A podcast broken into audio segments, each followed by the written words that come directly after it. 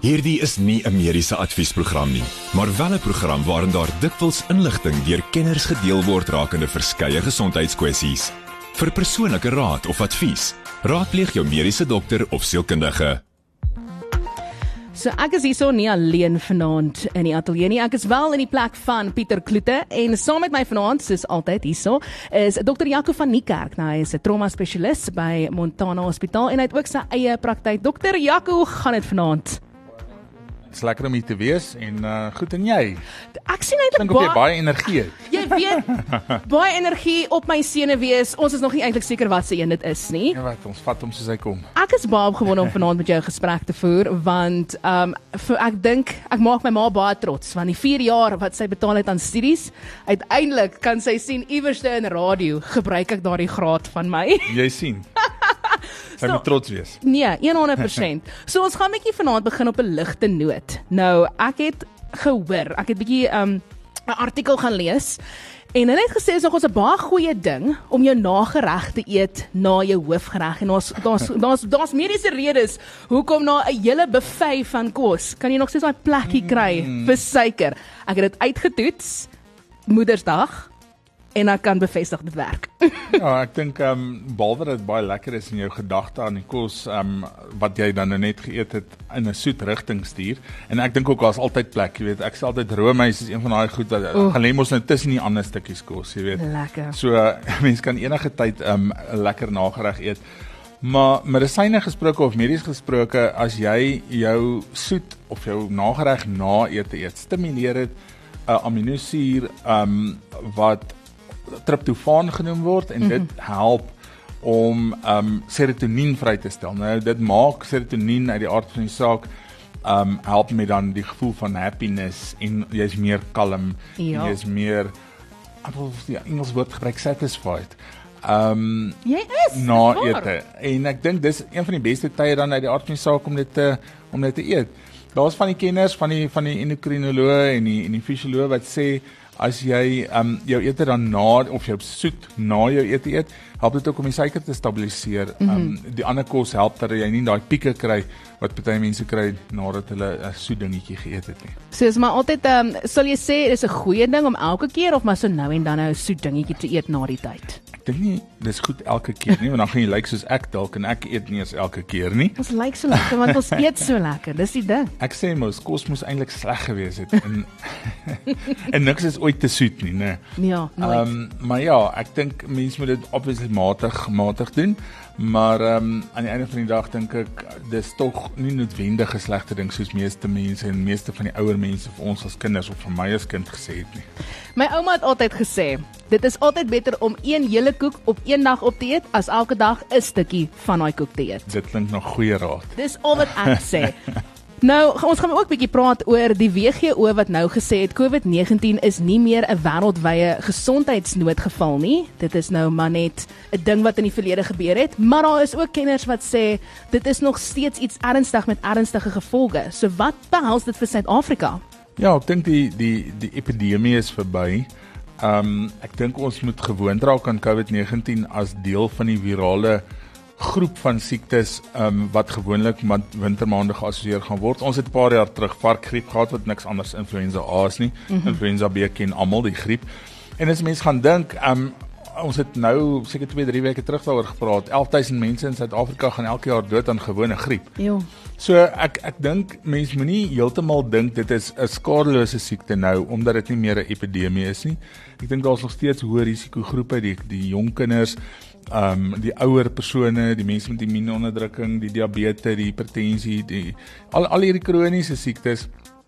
As jy asma byvoorbeeld het, um emfyseem of kroniese obstruktiewe lugweegsiekte, dan bly jy in 'n hoë risiko mm -hmm. en 'n mens gaan nog steeds daai persentasie elke jaar kry van van mense wat oorlede is aan COVID-19. Maar dit die Wêreldgesondheidsorganisasie het ook gesê dis nie meer nodig as jy dan nou nie me, meer wil vaksinereer om dit te doen nie. So dit is eintlik nou eintlik maar net dat dit hulle dit ondersteun dat dit nie meer 'n epidemie is nie. So ek het 'n opvolgvraag daaroor, so met die inentings en so. Daar was iets soos boosters. Nou as jy iemand was wat die inentings gekry het en die boosters en jy doen dit nou nie meer nie, moet dit nou nog steeds gedoen word? Hou jy maar net aan daarmee of is dit ook maar nou maar reg as jy dit nou nie meer doen nie? Ek dink is 'n uh, dis 'n individuele keuse. Ek dink ehm um, dis goed om alle mense immunies of immunisasies op datum te hou. Mm -hmm. Iets soos hepatitis B elke 5 jaar 'n telling te doen. Ek dink nie dis 'n in ons land in 'n eerste wêreld land se tyd stekend want jy kan jou bloed gaan trek en jy doen die antiliggaam tellings en as dit dan laag is dan kan jy 'n booster kry as dit nie laag is nie dan los jy dit vir nog 'n jaar. Maar in ons land is dit nog te duur en ek dink dit is dis koste-effektief om te toets nie. Mm -hmm. En 'n groot klomp mense gaan onnodig geïmmuniseer word, ander gaan gaan na die aard van die saak um, glad nie geïmmuniseer wil wil word weer nie. Ek dink dit maak regtig so groot verskil nie want ons word nie almal geïmmuniseer mee teen gewone griep nie. So in gevolgtrekking COVID-19 gaan nou op so 'n vlak wees van as jy nou maar siek is en jy jy het verskillende simptome, gaan dit maar een van daardie dinge wees waar die dokter sê, "Oké, okay, ons gaan toets vir soos jy sê varkgriep, ons gaan toets hmm. vir COVID-19, ons gaan toets vir al hierdie dinge en dit gaan maar net deel van daai lysie vorm nou." Ja, um, as mense gaan kyk nou in die in die um patoloog en al die groot patologiese dienste in ons land As ons nou iemand sien wat jy wil opneem na hospitaal en jy wonder oor 'n virale infeksie, dan doen ons wat hulle ons noem 'n 'n PCR of a, of 'n um, respiratoriese paneel PCR. Met ander woorde is omtrent 11 toetse nou gaan nou meer word, maar 11 mhm. toetse van 11 van die algemeenste virusse wat op daai stadium jy weet in in omtrek is. Ehm um, ons kry elke maand ook statistiek van wat is die virusse wat die mees algemeenste in 'n sekere area is waar jy werk en dis is dis is goed waarvoor jy toets, maar hy gaan net een van die wees. En as mens dink coronavirus is al 1967 die eerste keer um gede of gedokumenteer ja. gedefinieer. Um en dis nog altyd in die pediatriese um respiratoriese paneel. Dit gaan nou net in volwasse respiratoriese paneel ook wees. Okay. Wel, dan het jy dit as jy enige vrae gehad het oor COVID-19. Ons het nog twee gesprekspunte vir wat in die mediese veld in hierdie laaste of afgelope week gebeur het. Groot trauma met Pieter Kloete en dokter Jaco van die Kerk op Groot FM 90.5.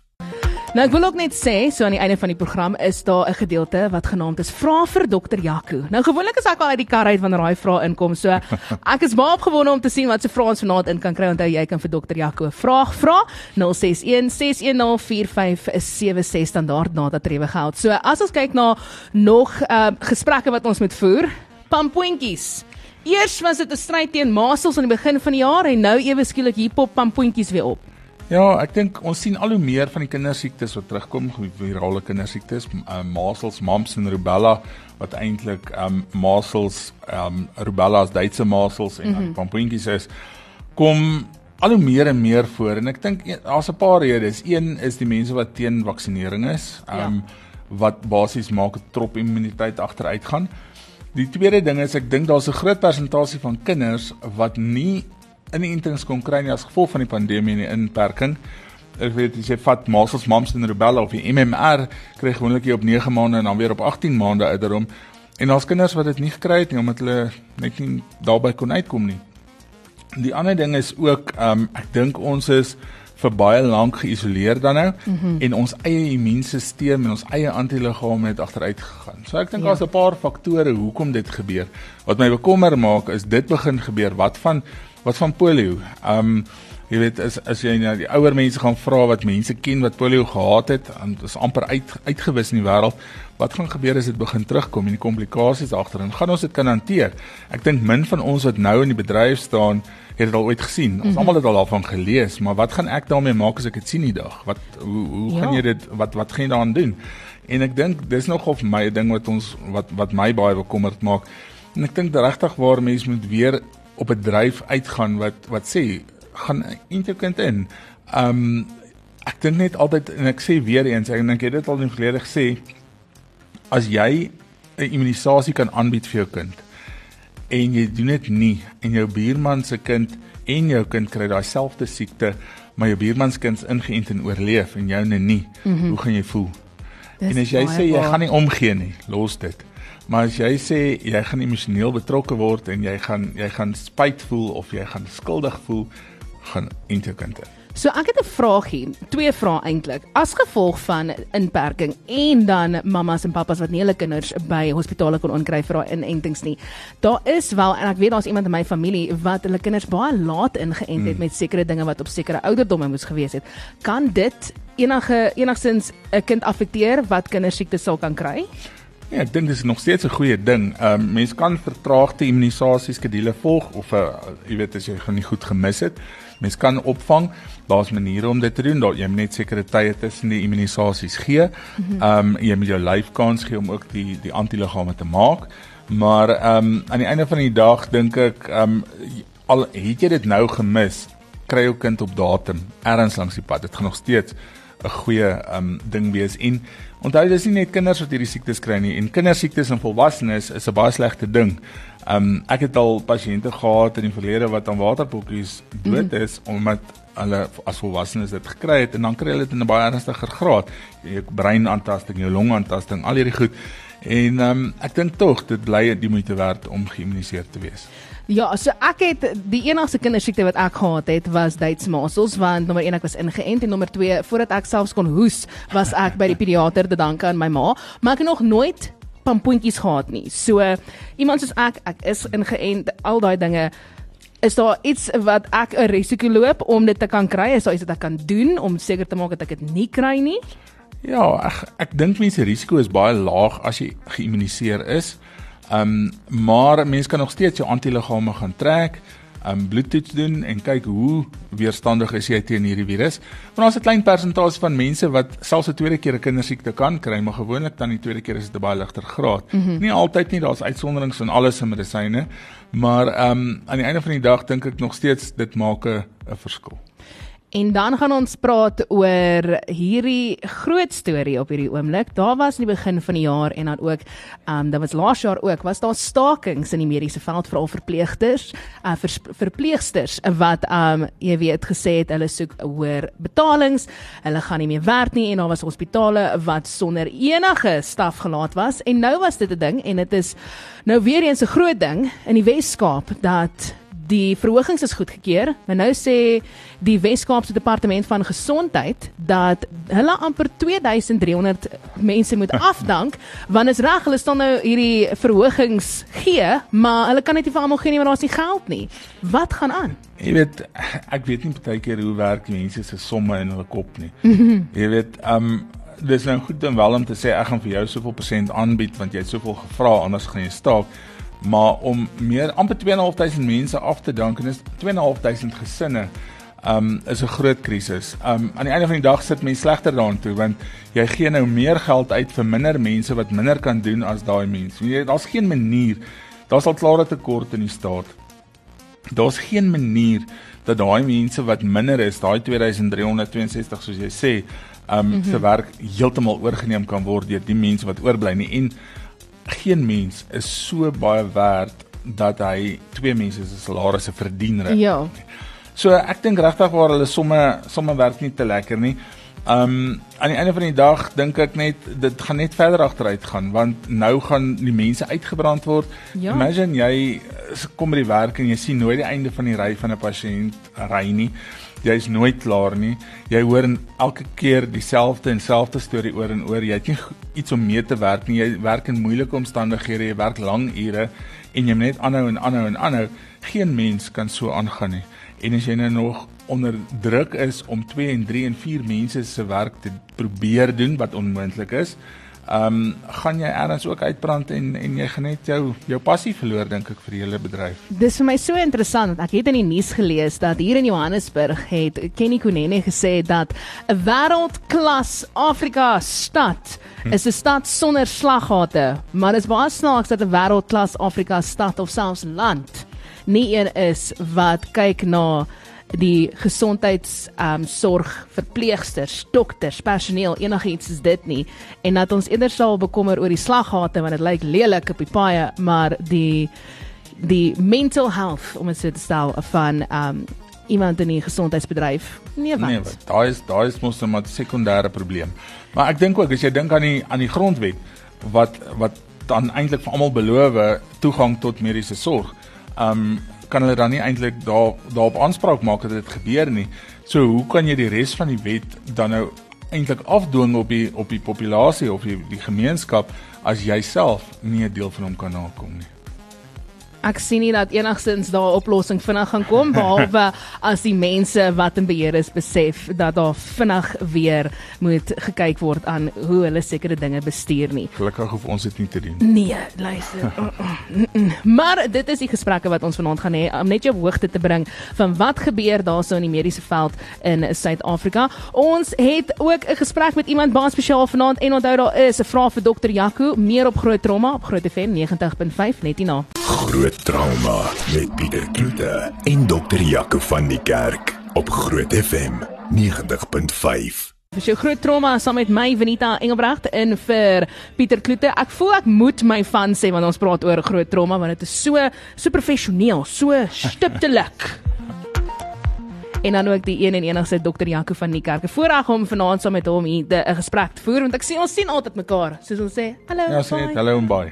Maar nou nou nou nou praat ons ernstige dinge en een van die dinge, een van die hoofonderwerpe wat ons het vanaand is Guillain-Barré syndroom. Nou dit is um GBS bewusmakingsmaand en jy gaan 'n bietjie vertel van die mite en dan ook het ons 'n spesiale gas wat ons later gaan bel om haar storie te hoor. Ja, ek dink ons gaan nou baie praat oor Guillain-Barré syndroom en ons sal nou sê wat dit is en 'n bietjie geskiedenis daar rondom. Maar ehm um, Guillain-Barré syndroom is 'n naam wat op baie mense se lippe is ehm um, vir jy weet in veral in ongevalle. Ehm um, as iemand inkom en hy swak aan 'n kant of hy hy voel nie lekker nie, het hy nie dalk Guillain-Barré nie. En dit is 'n baie algemene ding want dis dit lyk vir my as jy Google een van die hoofdiagnoses wat opkom. Maar in in, in realiteit is Guillain-Barré eintlik 'n relatief skaars siekte. Mm -hmm. Met 100 000 mense wat 'n ondermotorneuronletsel, ons gaan nou daaroor praat want of slap verlamming het. Ehm um, sal dit Guillain-Barré wees. So dis eenheid 100 000 wat eintlik baie baie min is. Ja. En ehm um, dit kan enige geslag ehm um, aantas en hy op enige ouderdom. So mense moenie dink as jy nou al bietjie ouer is, jy's gevrywaar want jy het net gehoor van jong mense wat dit kry nie. Op enige ouderdom en enige geslag kan dit enige tyd kry. So, hoe kry 'n mens Guillain-Barré? Ek dink as 'n mens daai antwoord 100% het, gaan jy Nobelprys kry en jy gaan iemand kan kry wat onder 'n boom sit en jou geld tel. Wel daarso dokter Jaco. dit is dit is nou die volgende doelwit vir my en jou. Ons ons soek 'n Nobelprys. Ons soek dit. Ja. ja, daar's daar's baie hipoteses en hipoteses is 'n ding in medisyne wat dit baie moeilik maak want as jy weet wat 'n siekte veroorsaak, is dit maklik om 'n behandelingsmodaliteit daarvoor uit te dink. Maar as jy nog nie 100% seker is wat is die oorsaak daarvan nie. Ander ding by vrouens endometriose, niemand kan vir jou sê mm -hmm. hoekom dit gebeur nie, net so Guillain-Barré. So daar's hipoteses en hipoteses is baie keer daar's infeksie van soorte gewoneke virale infeksie. Um dit word geassosieer met sommige vaksines, maar dis nie die vaksin nie. Die vaksin stimuleer jou immuunstelsel en dit is die immuunstelsel wat dan die siekteproses aan die gang sit. Want mm -hmm. onthou Guillain-Barré is 'n immuungemoduleerde siekte. So mense moet baie mooi onderskei tref en nie sê omdat ek immunisasie gekry het, het ek Guillain-Barré gekry nie. Dit is die meganisme van jou eie immuunstelsel wat dit veroorsaak dan. En dit is baie skaars, soos ons nou nog gesê het. Ja. En dan uit die aard van die saak, ehm um, chirurgie, want jou liggaam gaan in 'n stresrespons. So jy kan ook nie sê omdat ek 'n operasie gehad het, ek nou Guillain-Barré gekry nie. Jou immuunstelsel het onder druk gekom. Dis hoekom jy Guillain-Barré gekry het. Ehm um, so ek dink daar's baie hipoteses, daar's baie vir en baie teen al die redenasies van al die slim mense maar ek dink um, en ek hoop in ons leeftyd gaan ons die amptelike regte storie agter hoekom dit daar is kry. So omdat dit bewusmakingsmaand is vir Guillain-Barré syndroom, ehm um, het ons in kontak gekom met iemand wat haar storie op sosiale media deel en sy's baie openlik met die die die struikelblokke wat sy nou deurgaan het en haar, haar pad na genesing en al daardie dinge. So ons gaan vanaand met Ami praat. Ons gaan op die lyn kry. Sy kan ongelukkig nie vanaand hier saam met ons gewees het nie, maar ek praat nou al die hele week met haar. Sy is baie opgewonde om met ons te gesels en ook haar storie te deel en ek's net so opgewonde om haar storie te hoor. So bly ingeskakel op Groot FM 90.5 en ons praat net hierna verder oor Gillian Benay. Groot trauma met Pieter Kloete en dokter Jaco van die Kerk op Groot FM 90.5. Dis so gepas met as you are want ons praat met iemand wat ek noem 'n 'n Gillian Berey vegter. Ami, hoe gaan dit met jou vanaand? Hi Benita, hallo dokter. Dit gaan baie goed, dankie met julle. Baie lekker aan my kant. Ehm um, is lekker om met jou te gesels. Is lekker om met Gillian Berey wenner eintlik te gesels. Mm, wenner. Oh, So so Ami vir vir die luisteraars, wil jy 'n bietjie van jou storie vir ons vertel? Ja, so as ons wat dokter nou nog genoem het, daar is ongelukkig geen konkrete bewyse presies van wat die siekte veroorsaak nie. So laas jaar het wel my my ma sieklik en um ek het na haar gekyk voltyds en ek besluit toe om daar die die die inspuiting te gaan neem. En ek het dit geneem en ek het dadelik nie lekker gevoel nie. En ek dit het maar omtrent so geleidelik so 4 maande gevat en my liggaam het net begin afbreek en ek het gevoel of ek in mekaar wil sak en ek het punte en needles verby gekry en ek was net nie myself nie. Tot en met die 3 Januarie van 2021 toe sak ek in mekaar en ek was verlam gewees van die nek af onder toe totaal en al. Um voordat die laaste ding wat nog moes ingee wat besig was om in te gee by my was my diafragma gewees. En um ek is so opgeneem in in hospitaal eventueel en um ek was 9 maande lank in hospitaal gewees. So ek moes toe die rehabilitasie toe gaan en alles en ek moes te leer om om om om uh, te recover en om, om weer te kan leef en ek moes leer hoe om my vingers weer te kan beweeg en ek um, ja, ek is ek en my ouers en my familie is deur 'n storm en ons gaan nou nog deur dit. Maar ek gee nie op nie en so moeg soos wat ons almal is, ons stop net nie. Ons gaan net aan ons probeer dit deurveg. Jo, dokter Jacques. Ja, ek dink Gillian Berey is so 'n komplekse en so moeilike siekte. Um ek ek sien nou uh, in voorbereiding het ek gaan kyk wanneer is dit die eerste keer beskryf en die eerste keer beskryf is in 1859 1860 um deur Landry en dis hoekom dit ook een van die ander name van Guillain-Barré is Landry syndroom of Landry's paralysis en as jy van 1859 nog nie kan sien hoekom iets gebeur nie of 'n oorsaak kan kry nie of dan nou vinnige behandeling nie dan weet jy net eintlik hoe kompleks is hierdie ding. Ehm um, en net om dit te oorleef is al is 'n groot ding. Jy weet, ek het 'n baie traumatiese ervaring gehad toe ek 'n student was. Ehm um, in in in Bloemfontein voorgeraads wat iemand ingekom het met Guillain-Barré wat ons 3 maande op 'n ventilator opgepas het. Jy weet, ja. en dan later dink jy, "Yes, is dit die moeite werd?" Die al die komplikasies wat hierdie persoon gaan hê. En aan die einde van die dag is dit die moeite werd. Ek dink aan die einde van die dag daai persoon het wakker geword en en net so erg as wat dit was om 3 maande elke dag te gaan saal rondhou by iemand wat nie met jou kan praat nie en jy wonder wat gaan gebeur want jy weet eintlik nie wat regtig gebeur nie. Ehm um, as hulle wakker word en hulle gaan deur daai hele rehabilitasieproses dan ehm um, dan sit eintlik soos 'n oorwinning vir die mense wat jy behandel ook. Um, ja. dis regtig 'n komplekse ding. Ja nee. Ami, ek het vir jou 'n vraag. Um nou ek weet dat Gillian Berey sy eie struikelblokke het wanneer dit kom by die liggaam wat dit aantas, maar in die alledaagse lewe dan affekteer dit jou ook so so baie. So hoe was dit vir jou om nog steeds want as ek met jou praat, is jy vreeslik positief. Jy het die doelwit om gesond te word. Jy ja. het selfs in jou e-pos met my gesê ek gaan vir julle kom kuier. So hoe het jy daai motivering behou? So, um, laat ek vir julle sê, um, kyk, dit is baie maklik om in 'n gat te val. Mhm. Mm ek ons is wat ek hierso sit en dit so vries koud is en alles, kan ek julle sê dat dit dit kom dit kom soms. Dit kom net van tyd tot tyd en wat ek geleer het is om dit te voel op daai oomblik. Voel wat jy moet voel op daai oomblik, verwerk dit en dan klou vas aan God en weet dat dinge beter kan word want dinge kan net vir so lank sleg gaan. En as ek nie kyk die ding is wat soos wat ek gesê het, ek het 'n ma wat wat ook sieklik is. Mhm. Mm en daai vrou dit was nou Sondag Moedersdag gewees. Maar ek voel daai vrou verdien letterlik, jy weet daai song uh Medal for Mothers. Ja. Sy het hier as 'n medal. Want ek het deur haar determinasie en deur my pa wat net aangehou het en gehelp het en alles hulle al twee. Ek kan nie ek kan nie opgee nie. Mhm. Mm wat hulle gee nie op nie. My mense wat lief is vir my en wat my ondersteun, die TikTok gemeenskap, die Instagram, almal is daar. Almal support my. En die hemelse Vader laat my nie gaan nie. So is ek dan om myself te laat val? Want as ek as ek myself nie druk nie, dan gaan ek myself disappoint en ek is die een wat gaan agterbly in die lewe. Niemand anders nie, ek self. Jo, daai uitkyk op die lewe is fantasties. Dokter Jaco, ek het vir jou 'n vraag en Ami, dalk kan jy ook bysit met jou ervaring. So, yes. wanneer dit kom by die behandeling van Guillain-Barré, natuurlik tas dit die hele liggaam aan. So, wat is daardie behandeling wat 'n mens moet deurgaan? Ek gaan sommer net so in die algemeen praat en ek dink aan jy, jy kan baie meer detail gee, mm -hmm. maar ons klassifiseer dit eintlik maar in groepe van hoe ons dit benader. Immuunterapie is uit die aard van die saak die een eerste ding.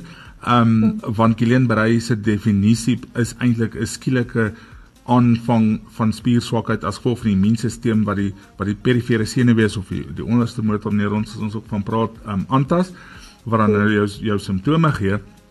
So mens moet intraveneuse immunoglobuline kan gee, plasmafurese. Die ander ding is ondersteunende behandeling want soos jy gesê het nou-nou, um diafragma kan geaffekteer word. As jou diafragma nie werk nie, kan jy asemhaal nie. As jy kan asemhaal nie, die aard van die saak gaan versmoor. So baie keer is die ondersteunende behandeling selfs om geïntubeer op 'n ventilator te lê en fisies kunsmatig aan die lewe gehou word deur met die asemhalingsapparaat um ondersteun te word. Dit is ondersteunende behandeling. Um baie van die persone het pyn, so jy pyn uit die aard van saak meeste siektes, maar pynhantering um en en en verder ondersteunende terapie en dan die groot belangrike ding en ek dink daar moet jy vir ons baie van vertel is die rehabilitasieproses. Mm nee, ja. OK.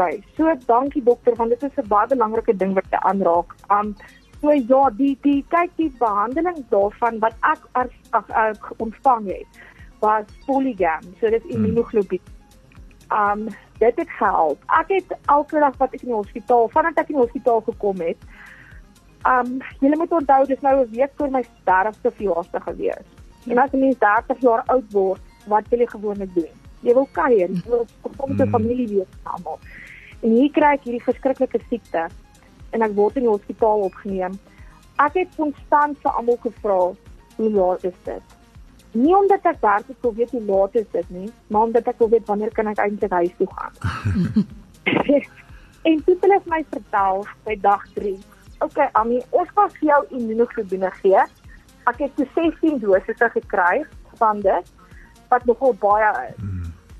En um, ek het gedink, al het my gesê ek kan net sowel opstaan en begin loop of ek kan weer reg regkom en ek het daarin vasgeklou.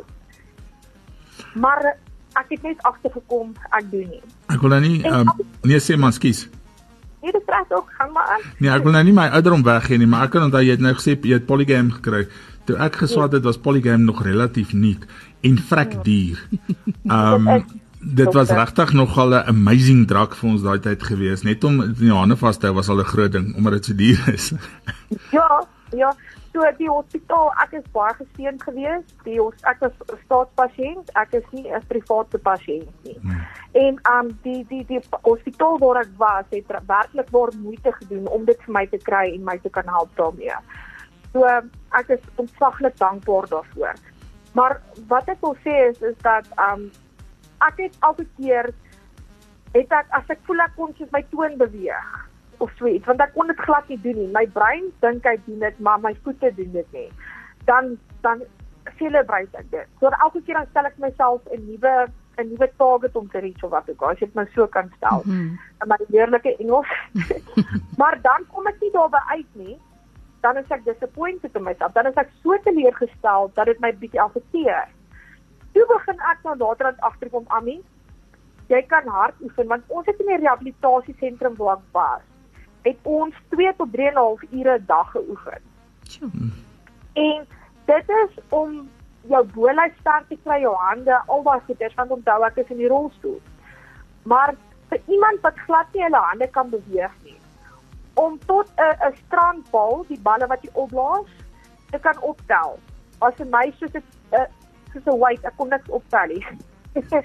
so ek moet net net elke dag ingaan in daai ding in met die mindset saam met my fisio's van vandag gaan ek iets bereik. En ek het elke dag wat ek opgestaan het, het ek gesê dankie Here ek het my oë maak. Vandag het ek 'n kans om iets te doen en om beter te word. en ek het weer gedruk. Dis fantasties. Dan my fisios wat ek gehad het en my my um my uh ekskuus tog my um arbeidsterapeute. My arbeidsterapeute veral is fantasties geweest. Um in die sin van my hande rehabiliteer en alles want dokter, soos wat jy weet, my jy as jy GBS het, jy lyn Hmm. basis kan jy glad nie pressure hê om oop Hmm. en toe daai blikkies oop te maak en sulke goed nie.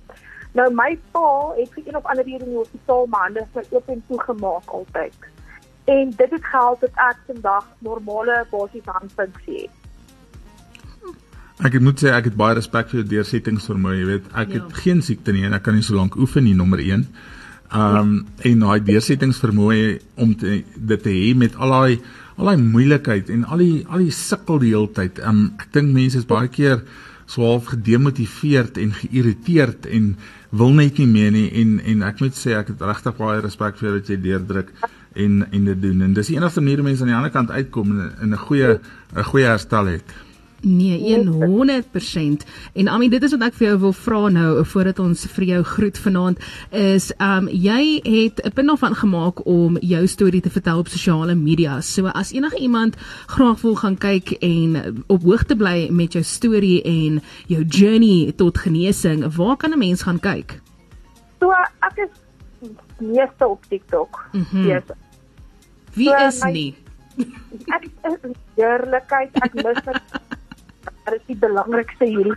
Maar in elk geval um so ek is Ami GBS Warrior op TikTok en ek is ook Ami GBS Warrior op Instagram. En ek het ek encourage almal wat hierdie siekte het om my te kontak en met my te gesels. En hierdie is 'n journey en hier is 'n baie moeilike journey. Mm -hmm. En um nie baie mense sal verstaan waar hierdie gaan nie, maar ek voel dat ons 'n gemeenskap van mense wat saam kan staan en mekaar kan moed inpraat en daar kan wees vir mekaar. Ek dink dit sal die beste wees. Ek dink so 100% hulle sê altyd dit is een ding om medikasie te vat, maar dit is 'n ander ding as jy ondersteuning het, want dit is ook wat baie kere jou deurdruk.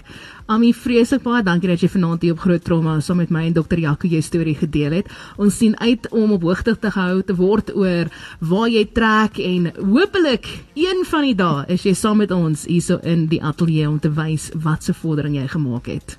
Baie dankie dokter Jaco, dankie Venita. Jy het 'n wonderlike aand hê en almal aan die gehoor op mag julle wonderlike aand hê en warm bly. En sterkte vir jou met die pad vorentoe en ons wag vir daai aand wat jy saam met ons hier gaan opstap by die trappe. Ek kan nie wag nie. Daar. Jaco. Okay, julle heerlike aand. Selfde vir jou Ami tata. Wel daar het jy dit. Jy kan gaan kyk wat um Ami se se reis. Is dit 'n reis? Is dit 'n journey? 'n Moeilike reis. 'n moeilike reis na genesing is op by Ami GBS Warrior. So dit is A M kolletjie I. Ami GBS Warrior op uh, TikTok en ook Instagram. Net hierna het ons daardie vraag vir dokter Jaco vraag vir vanaand. So as jy nog laaste bietjie jou vraag wil instuur 061 610 4576.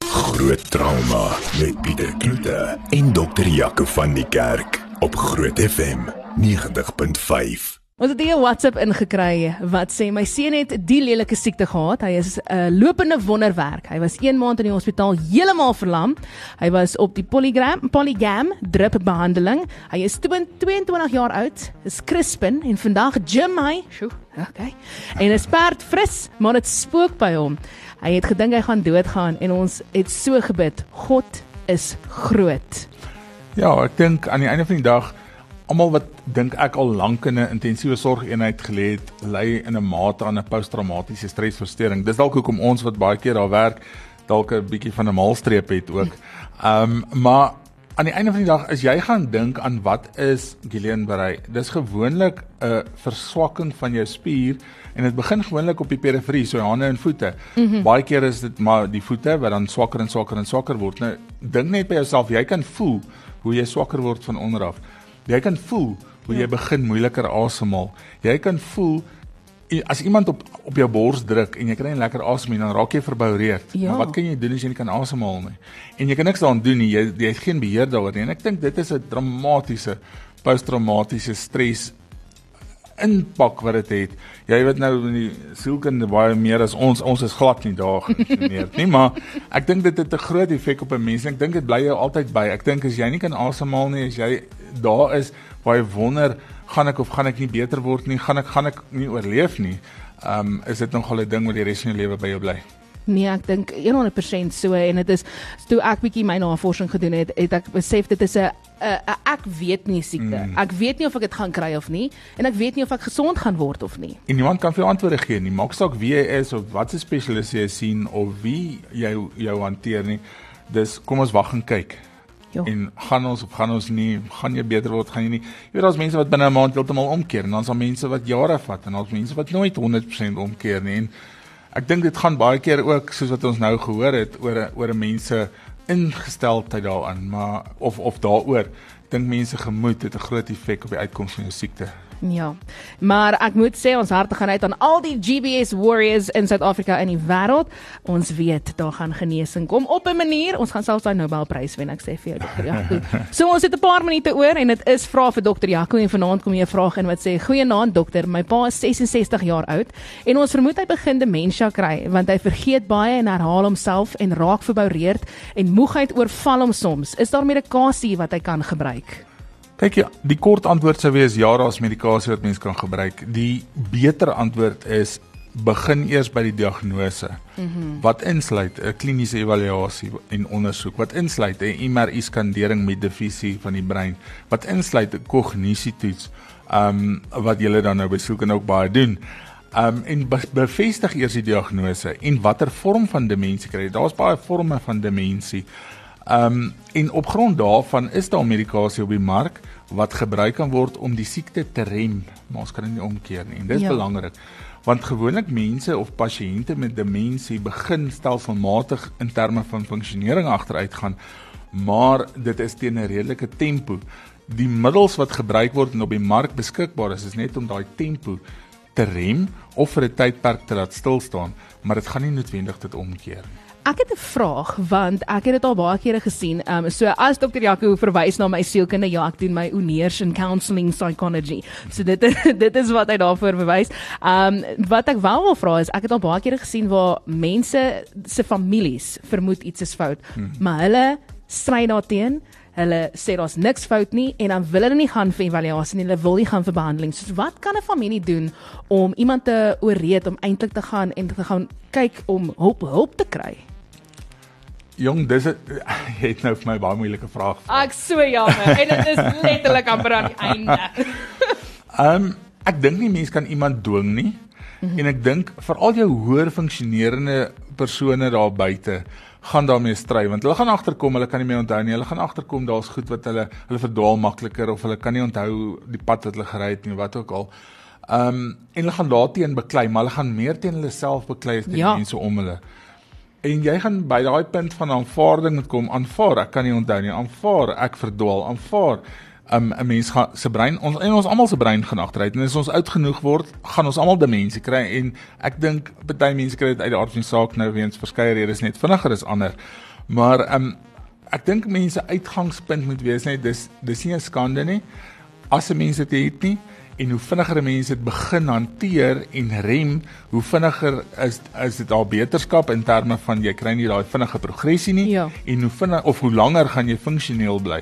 En as jy ek dink jy daai redenasie vermoed by die meeste mense, veral vroeg in die siekte, dan dan gaan hulle daaroor dink om om nie te gaan vir evaluasie nie. Hulle sê altyd, maak nie saak wat se stap jy moet vat nie. Die eerste stap is altyd admit you have a hmm. problem. Mm, jy moet net aanvaar dit is 'n probleem en dit dit is die beste manier um, om iets om hulp te kry. So dokter Jaco, dit is die einde van groot trauma vanaand.